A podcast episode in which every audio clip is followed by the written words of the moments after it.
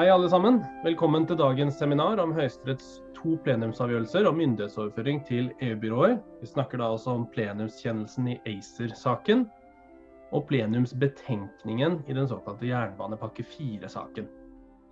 Og Det underliggende spørsmålet i begge saker er i hvilken utstrekning Grunnloven, og da særlig paragraf 26 annet ledd, gir Stortinget kompetanse til å overføre myndighet til såkalte EU-byråer med alminnelige flertallsvedtak. Og Disse avgjørelsene er samtidig også av litt mer bredere interesse, fordi de berører bl.a. rekkevidden av domstolens prøvingsrett, og også hvilke prinsipper som gjelder for tolking av Grunnloven. Og Med oss i dag så har vi med et svært kompetent panel som, som stiller med forberedte kommentarer til de to avgjørelsene. Anine Kierulf skal først si litt om eh, avgjørelsene sett i lys av prøvingsretten. Så skal Eirik Holmevik eh, se på avgjørelsene fra et litt mer sånn grunnlovstolkingsmetodeperspektiv. Deretter skal Tarjei Bekkedal snakke om eh, demokrati kontra mindretallsvern når det gjelder overføring av myndighet til eh, overnasjonale organer, da, som, som, slike byråer. Før Kristoffer Eriksen mot slutten skal samle trådene litt og snakke mer, eh, mer direkte inn mot, om akkurat jernbanepakke 4 og forholdet til Grunnloven. Men før vi slipper alle disse ekspertene ordentlig løs, så har vi tenkt at det er nødvendig med en liten innledning. Siden grunnstrukturen i jussen her kan være litt vanskelig tilgjengelig. Derfor skal jeg først si litt helt overordna og upresis, en liten heisversjon av hva EU-byråer er for noe.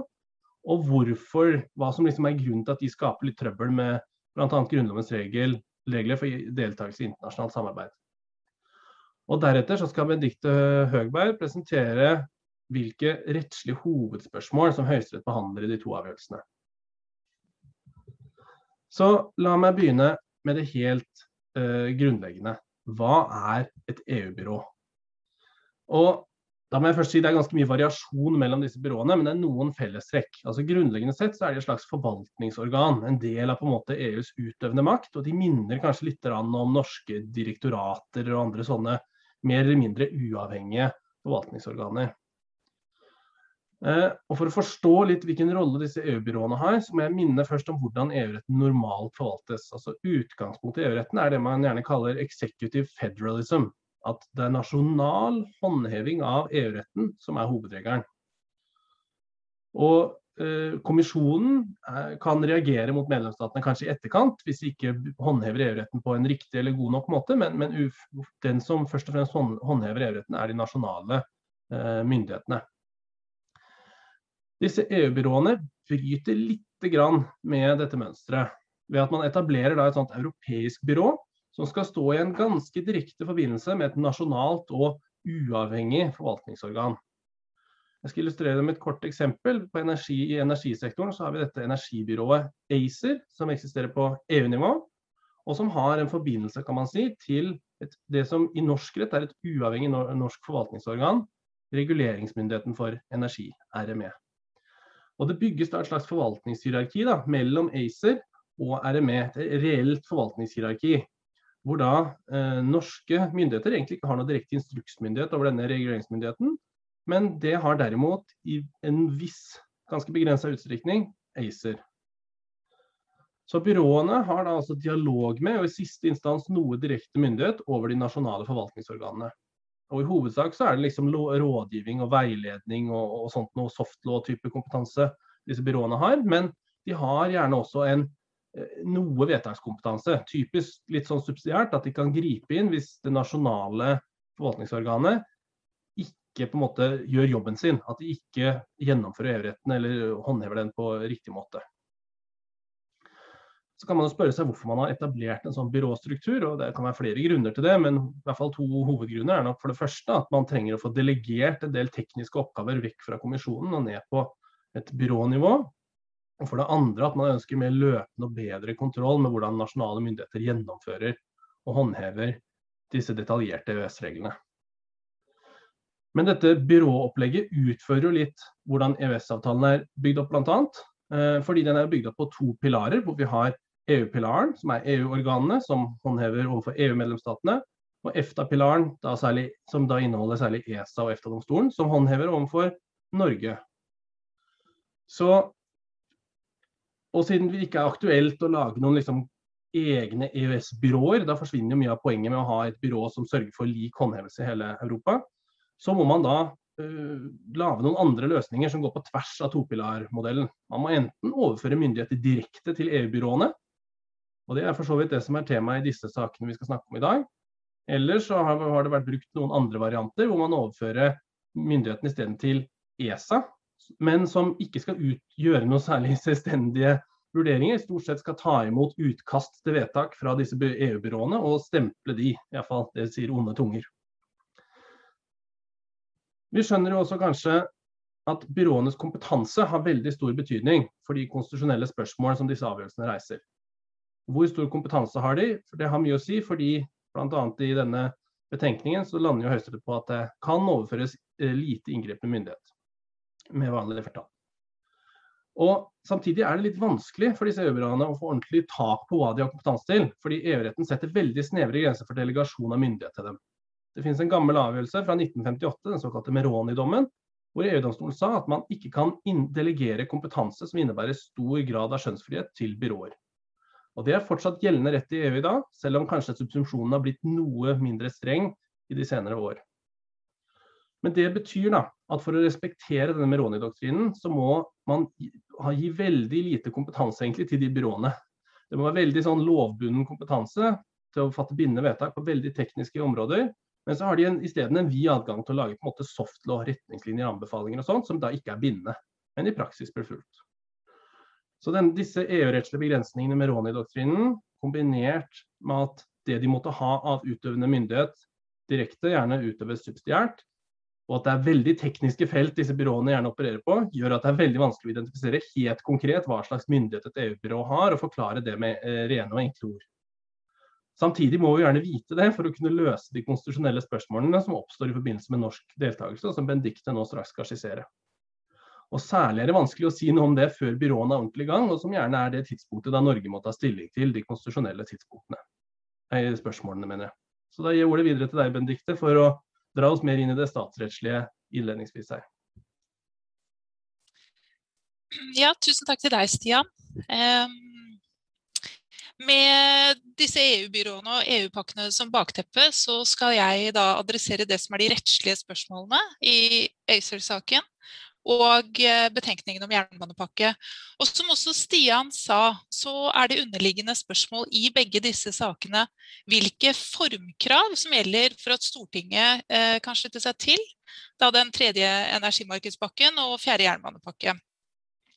Så er det en viss form for enighet i disse sakene om at norsk tilslutning til disse pakkene de innebærer noe overføring av norsk myndighet til EU-byråer eller til organer som er underlagt disse. Eh, etter Grunnloven eh, så er det rettslig utgangspunkt at overføring av myndighet krever tilslutning fra Stortinget. Og Spørsmålet er da om det er tilstrekkelig med et simpelt flertall, eller om det er nødvendig med tre fjerdedels flertall. Eh, hovedlinjene er for så vidt enkle nok etter den gamle paragraf 93 og den nye Grunnloven 115 så kreves det tre fjerdedels flertall ved overføring av myndighet. Eh, for de internasjonale avtaler uten slik myndighetsoverføring, så er det tilstrekkelig med et simpelt flertall. Og det kan utledes av Grunnlovens 26 annet ledd. Haken her, som også Stian er inne på, og som de senere innlederne vil komme, komme til, det er den såkalte læren om lite inngripende myndighetsoverføring. For hvis overføring av myndighet kan karakteriseres som lite inngripende, da har det vært noe praksis for at tilslutningen likevel skjer med simpelt flertall etter paragraf 26, og da til tross for ordlyden i paragraf 115. Så både i ACER-saken og jernbanepakkesaken så blir dette det store underliggende spørsmålet. Er det altså tale om en lite inngripende myndighetsoverføring og gjør det i så fall at man kan slutte seg til disse pakkene med bare et simpelt flertall i Stortinget. Så er det sånn at Selv om dette er det underliggende rettslige spørsmålet i begge sakene, så dukker det opp en rekke andre interessante og viktige rettsspørsmål som må løses underveis. Eh, og Hvis vi da bare eh, tar en rask kikk på ACER-saken først. Her har eh, Nei til EU tatt ut et søksmål for de ordinære domstolene med en påstand om at tilslutningen til tredje energimarkedspakke ikke kan skje med simpelt flertall i Stortinget. Og i denne første runden som vi da har hatt, kanskje bare foreløpig, eh, første runde, så tok Høyesterett stilling til om Nei til EU overhodet kunne reise et slikt søksmål. Og det har to sider. Det har én side til tvisteloven, og så har det en annen side til den generelle adgangen til å få grunnlovsspørsmål prøvet for domstolene. Og Anine hun skal derfor dra oss inn i ACER-eventyret via adgangen til domstolsprøving, eh, som bl.a. er hjemlet i Grunnlovens paragraf 89. Og spørsmålet er eh, om søksmålet reiser et for abstrakt spørsmål til å kunne prøves for domstolene. Og det skal Anine straks svare på. Men før det, eh, når det da gjelder jernbanepakkesaken, den reiser aldri spørsmålet om søksmålsadgangen. Eh, og det skyldes jo at spørsmålet om formkravene det kom fra Stortinget selv.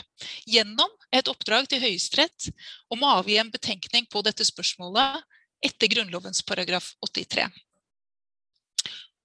Og bruken av paragraf 83 den reiser i første rekke eh, en del spørsmål om hva prosessen eh, for en slik betenkning skal være. Høyesterett åpnet bl.a. for at interesserte kunne spille inn synspunkter på saken på forhånd. Um, og fra de juridiske fakulteter så var det Kristoffer og Eirik som prisverdig nok gjorde en veldig fin og god jobb med å gi Høyesterett skriftlige innspill i saken. Men et sentralt spørsmål i jernbanepakkesaken det var i hvilken utstrekning det forelå en praksis for lite inngripende myndighetsutøvelse som kunne kunne gå foran den klare ordlyden i paragraf 115. Eh, og Eirik vil snakke om nettopp det, og om de utfordringer som Høyesteretts løsning har for mindretallsvern i Grunnloven. Eh, og så vil Tarjei supplere Eirik på dette. Alle disse rettslige og prinsipielle spørsmålene om prøving og praksis eh, de løser jo ikke det egentlige problemet, som vil være subsumpsjonen for er myndighetsoverføringen i ACER-saken og jernbanepakkesaken lite inngripende? Og hvem og hvordan og når skal det tas stilling til dette spørsmålet? Kristoffer har utredet og fulgt jernbanepakkesaken, om ikke akkurat fra A, så i hvert fall fra B til Å. Eh, han avslutter derfor denne sesjonen med å knytte sammen de store linjene som dette problemkomplekset reiser. Men jeg sender stafettpinnen videre til Anine først. Så håper jeg alle vil nyte turen. Takk.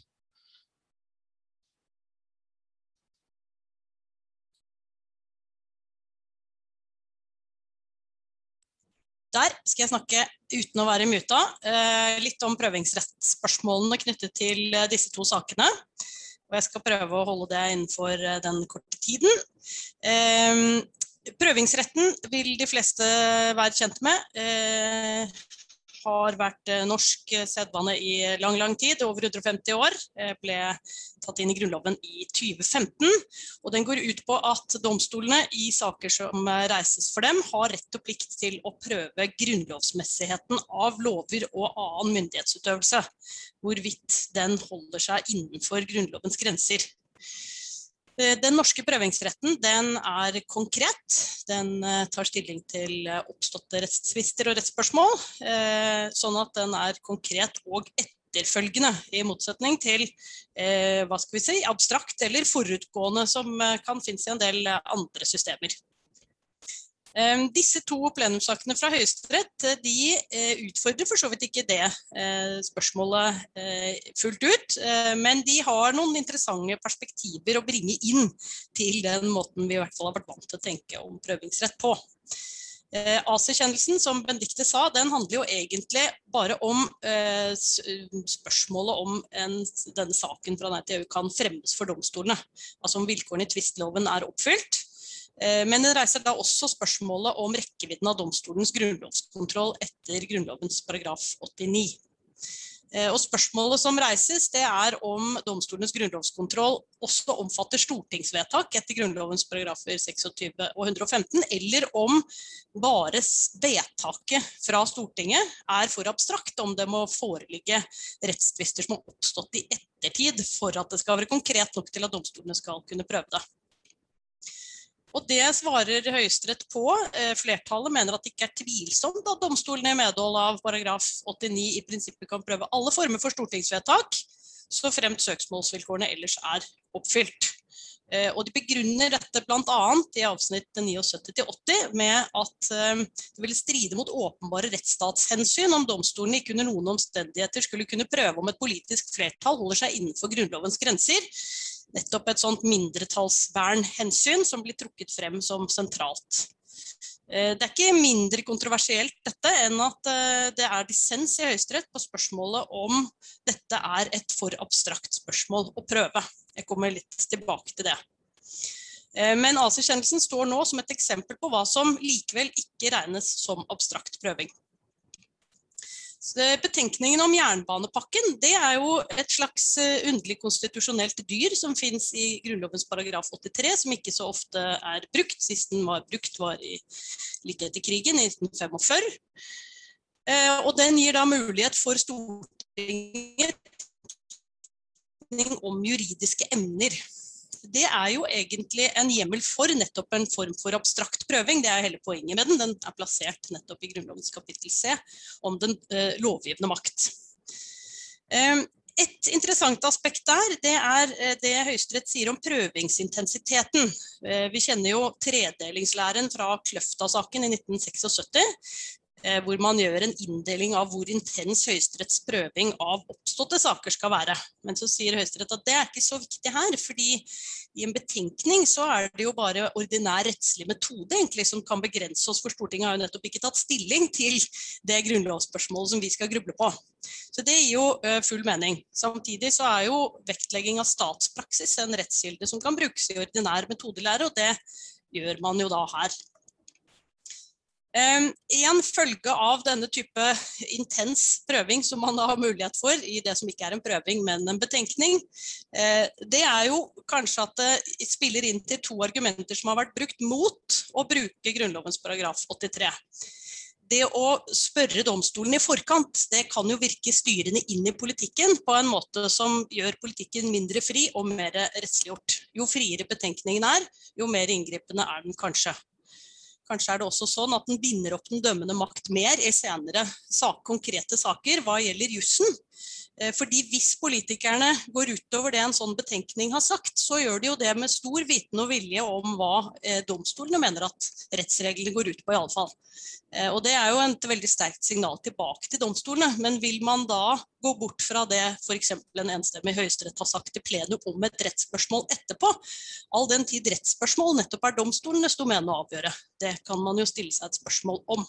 Kanskje er dette en ny omdreining av rett og politikk-skruen hvis denne type betenkninger skulle bre om seg.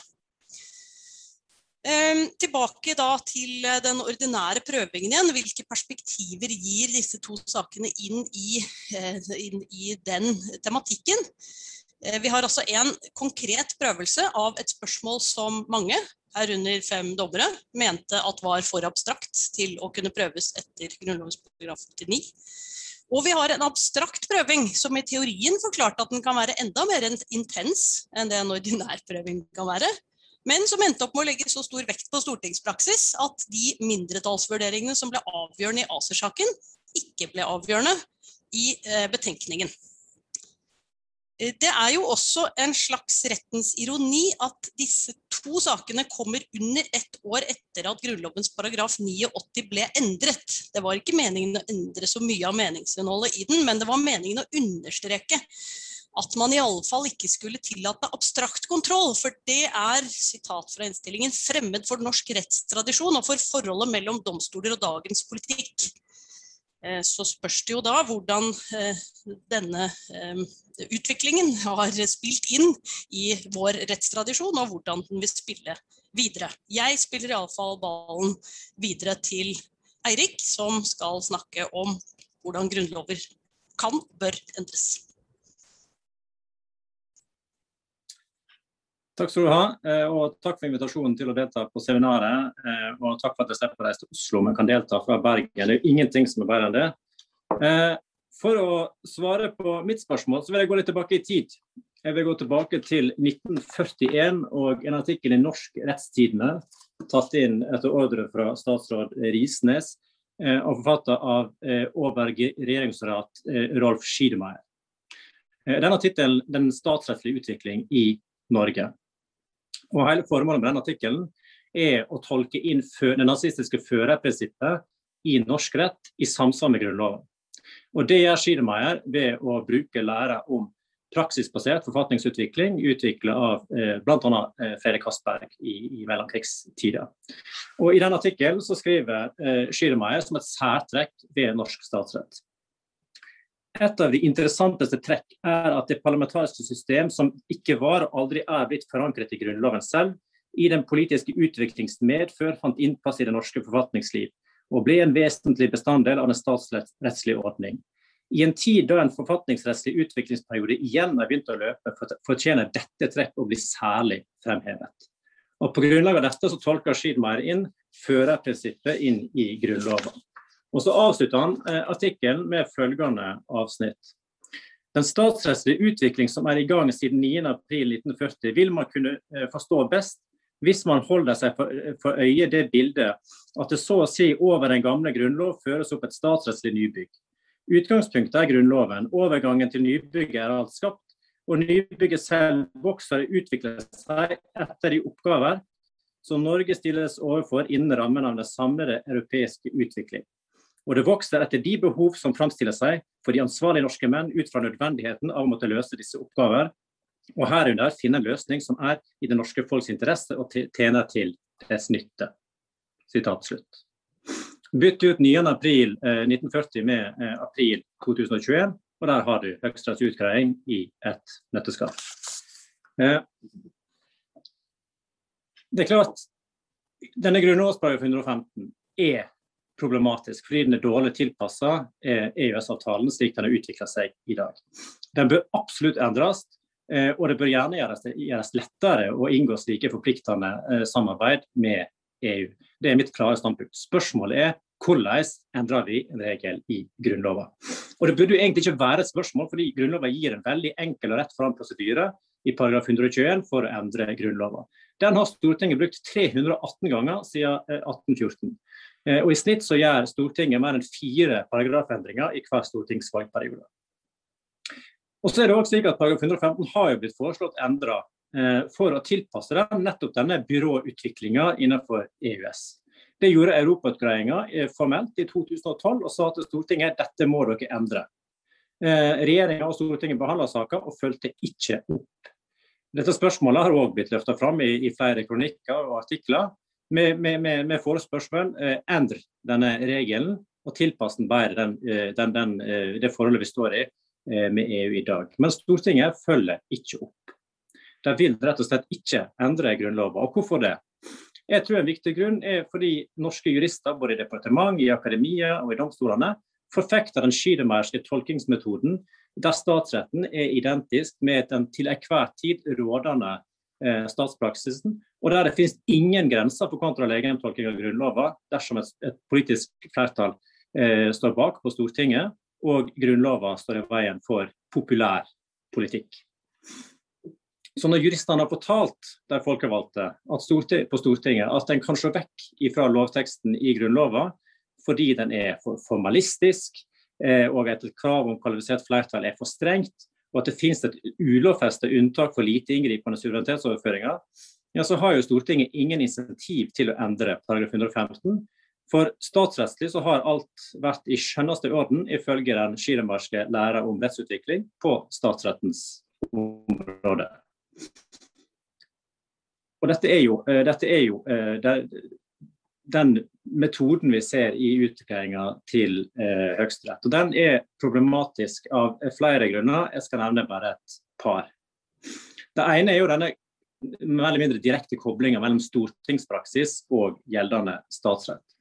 Høyesterett sier at fordi Stortinget har brukt dette lite inngripende unntaket i 19 saker, så må det være i samsvar med Grunnloven. Og Dette uttaler de med nokså brei penn, uten å forsøke å avgrense rekkevidden av denne slutninga til f.eks. ekstraordinære omstendigheter knyttet til EØS eller andre grunner. Så når vi leser Høyesteretts utgreiing, så er det altså helt kurant for Stortinget å bryte grunnlovsbestemte formkrav, så lenge en gjør det flere ganger.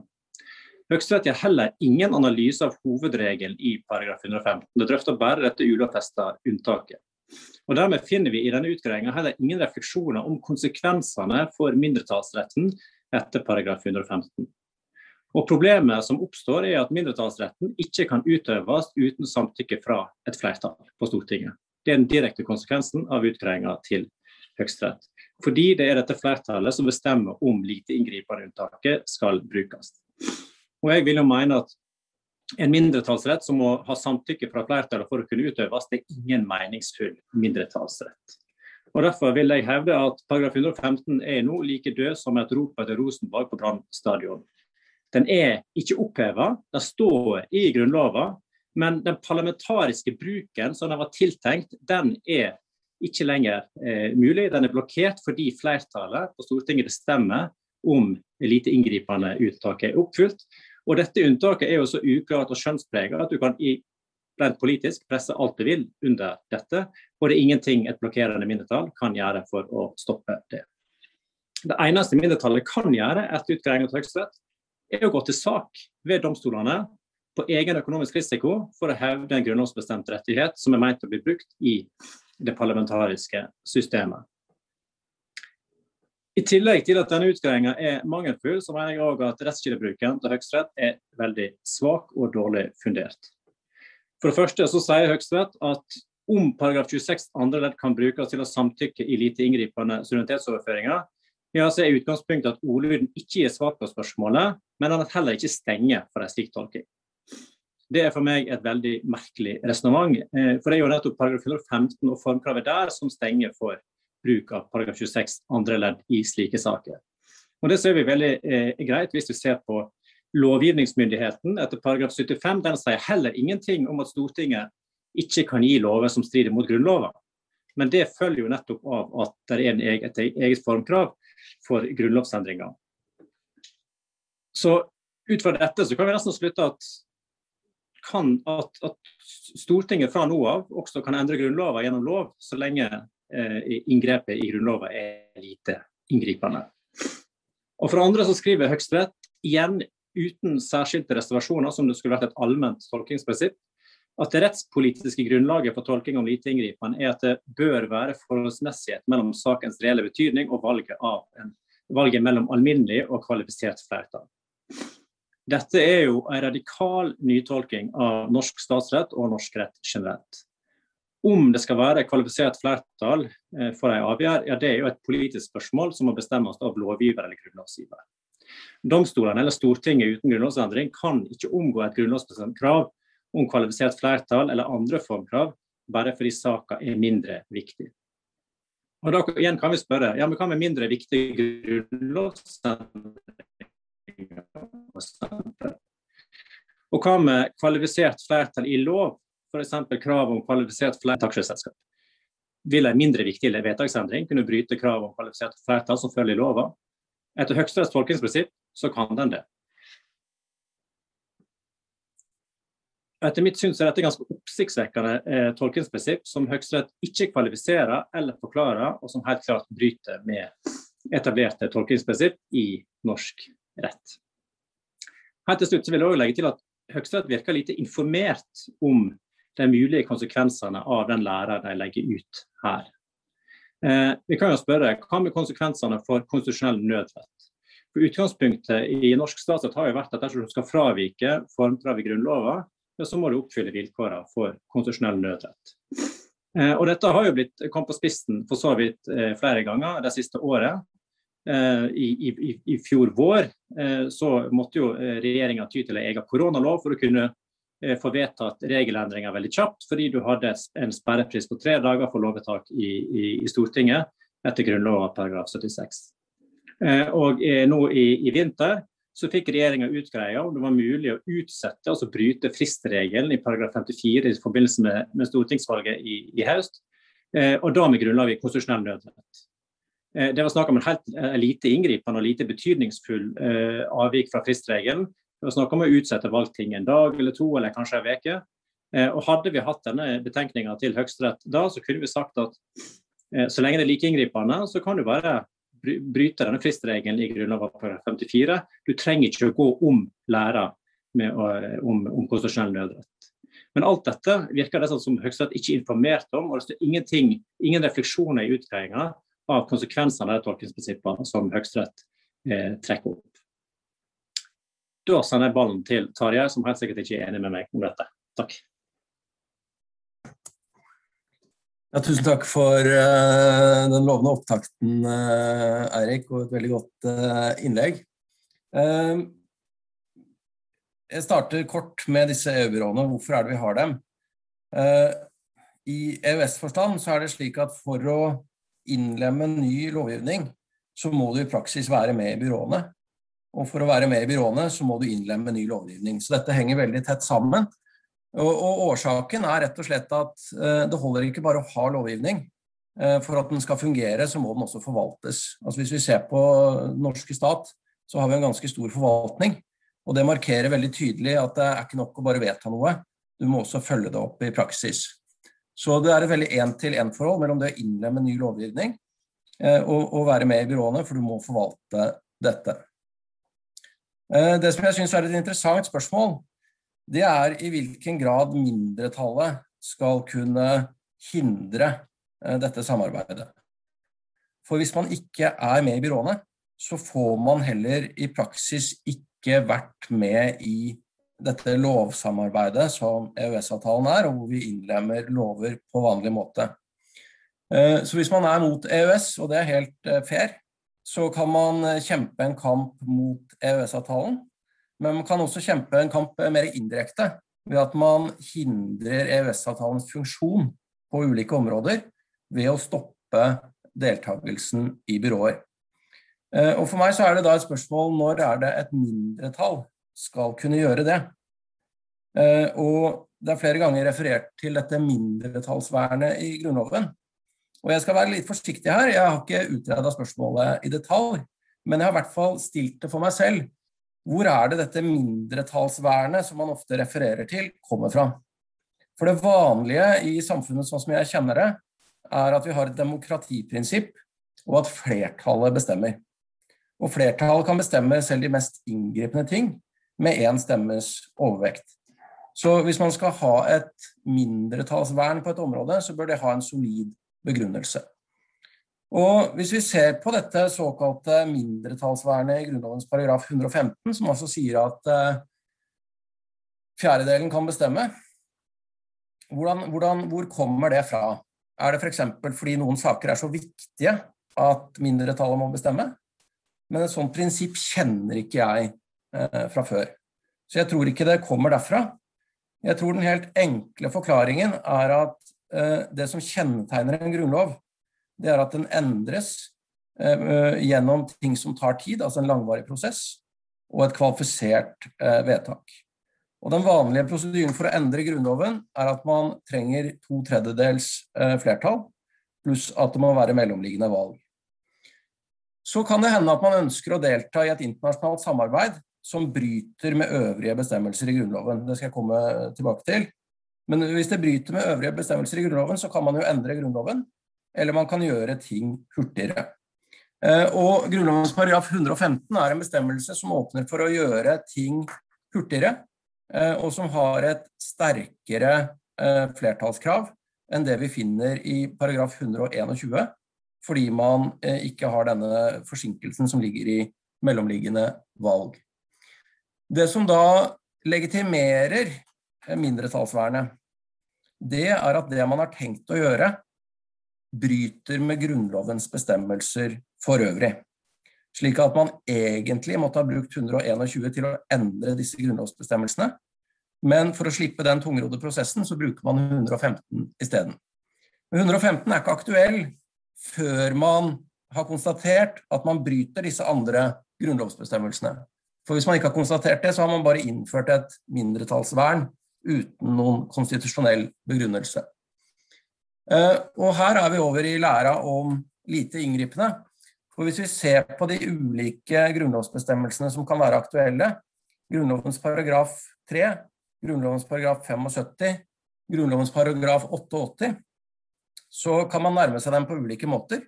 Man kan enten tolke dem og si at selv om de sier at norske domstoler dømmer og norsk forvaltning forvalter osv., så, videre, så kan ikke disse eh, bestemmelsene tolkes så absolutt. Og Det vil jo være min innfallsvinkel. at man, Når man tolker f.eks. Grunnlovens paragraf 3, så er det en ganske åpen bestemmelse som egentlig nesten bare er et legalitetsprinsipp som sier at Stortinget kan vedta hva de vil på forvaltningens område. Slik at man har som storting rom for å gjøre veldig mye med alminnelig flertall, men det går kanskje en skranke der ute. En annen mulig tolking kunne være å forstå eh, disse grunnlovsbestemmelsene slik at de i utgangspunktet er til hinder for å legge myndighet til eh, utenlandske organer, men at man innfortolker et alminnelig forholdsmessighetsprinsipp, slik man har gjort på mange andre områder.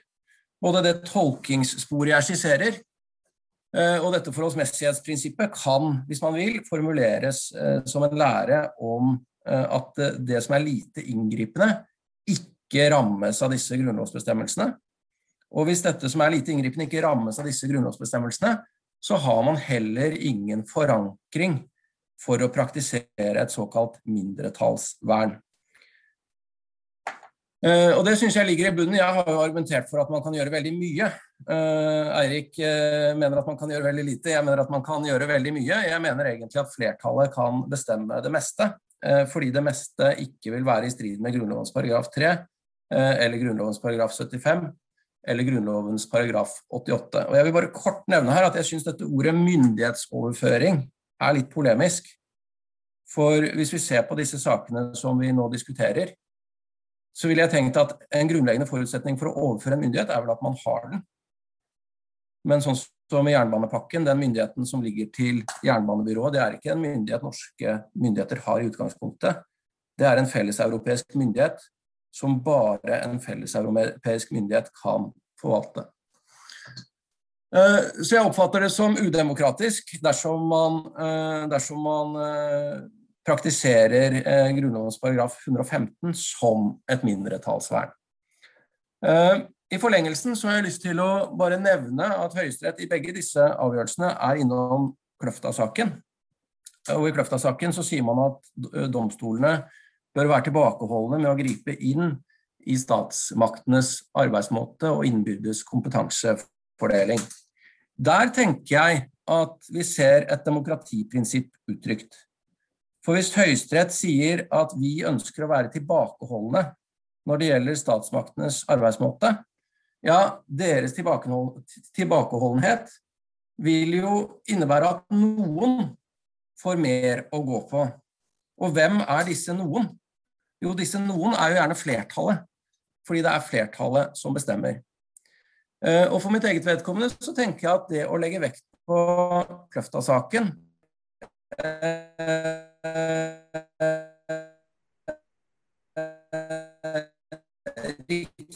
Hvis jeg har ett minutt helt til slutt, så vil jeg også si at jeg syns tilnærmingen til uh, denne til disse, diskusjonene rundt eh, disse betenkningene og, og denne kjennelsen er litt snever. For vi diskuterer her overføring av forvaltningsmyndighet. Jeg har lyst til å bare understreke at vi har også andre former for samarbeid, særlig på domstolsområdet. Et eksempel er f.eks. samarbeid på konkursområdet. Konkurs forvaltes i anførselstegn av domstolene, men det kunne like gjerne vært forvaltet av et forvaltningsorgan. EUs konkurssamarbeid og Norges deltakelse i dette samarbeidet er helt identisk bygget opp som EUs eh, e personvernbyrå. Det er ulike former man kan skru sammen slike samarbeid på, men samarbeidsmåten når det gjelder konkurs, er helt identisk som EUs eh, e databyrå. Det er ingen som har stilt spørsmål ved grunnlovsmessigheten av konkurssamarbeidet. På samme måte Lugano-konvensjonen overfører myndighet til domstoler i andre land mye mer inngripende enn disse forvaltningsløsningene vi har, for domstolene fatter faktisk avgjørelser med stor betydning for enkeltmennesker. Ingen. Og Det er også da en viktig praksis å trekke inn ved tolkingen av Grunnloven. Men man kan også snu på det. hvis man hadde denne veldig restriktive tilnærmingen til Grunnlovens paragraf 115, så ville Norge ikke kunne vært med i Lugano-konvensjonen uten et slikt grunnlovsvedtak. Norge kunne ikke vært med i konkurssamarbeidet uten et slikt grunnlovsvedtak. Norge kunne ikke vært, med i den europeiske arrestordren uten et slikt 115-vedtak. Men slik er ikke praksis. Så jeg opplever at på domstolsområdet så har man denne tilnærmingen hvor man vurderer står dette i strid med f.eks. Grunnloven 88, og kommer til at nei, det gjør det ikke, og da er det alminnelig flertall som gjelder. Og Det er etter mitt syn den praksisen man også burde hatt på forvaltningsområdet, men der har det utviklet seg en særegen og mer eh, restriktiv praksis. Takk skal du ha, Tarjei, og takk for invitasjonen til seminaret. Tittelen for det jeg skal snakke om, det er Grunnloven, statsmakten og jernbanepakke 4. Vi har nå hørt utmerkede innlegg om grunnlovstolkning og eh, prøvingsrett. Eh, men opplegget for, eh, for min del det er enda mer konkret. Jeg vil begynne med å se på hva EUs EUs fjerde jernbanepakke egentlig er og peke på noen utfordringer statsmakten har hatt ved håndteringen av denne fjerde jernbanepakken. Jeg begynner med hva jernbanepakken er. Kort fortalt så er det tale om flere direktiver og forordninger, forordninger om styrking av europeisk jernbanesamarbeid. En del av dette samarbeidet innebærer at det overføres myndighet fra Norge til EUs organer. Det mest sentrale det gjelder myndigheten til å fastsette hvilke sikkerhetskrav utenlandske togselskaper må oppfylle for å operere i Norge, og om disse kravene faktisk er oppfylt. Eh, kort fortalt så er det med EUs fjerde jernbanepakke ikke lenger Stortinget eller forvaltningen som fastsetter sikkerhetskravene for utenlandske togselskaper i Norge, og det er ikke lenger norsk forvaltning som tar endelig stilling til om disse sikkerhetskravene er oppfylt. Og er det tvist om selskaper oppfyller sikkerhetskravene, kan det bli EU-domstolen som avgjør saken, ikke norske domstoler. Som vi allerede har hørt, så er det spørsmål om Stortinget har hjemmel til å overføre hvilken hjemmel som er nødvendig. Men dette er ikke det eneste konstitusjonelle spørsmålet som oppstår med EUs fjerde jernbanepakke. Vel så viktig er Grunnlovens regler om parlamentarisk og konstitusjonelt ansvar, fastsatt i Grunnloven paragraf 15 og paragraf 86. Problemet med at myndigheten til å treffe vedtak om jernbanesikkerhet ikke lenger tas av norsk forvaltning, er at Stortinget ikke lenger kan stille regjeringen eller regjeringsmedlemmer til ansvar for avgjørelser. Det er jo ikke nødvendigvis noe problem så lenge alt går på skinner, eh, for å bruke en jernbanemetafor. Men den dagen noe sporer av, vil det lett kunne bli et spørsmål uh, om sikkerheten har vært god nok, og om noen er parlamentarisk eller konstitusjonelt ansvarlig for en eventuelt sviktende sikkerhet. At det oppstår spørsmål om parlamentarisk eller konstitusjonelt ansvar når ulykker skyldes svikt i sikkerhet, er ikke akkurat et science fiction-scenario.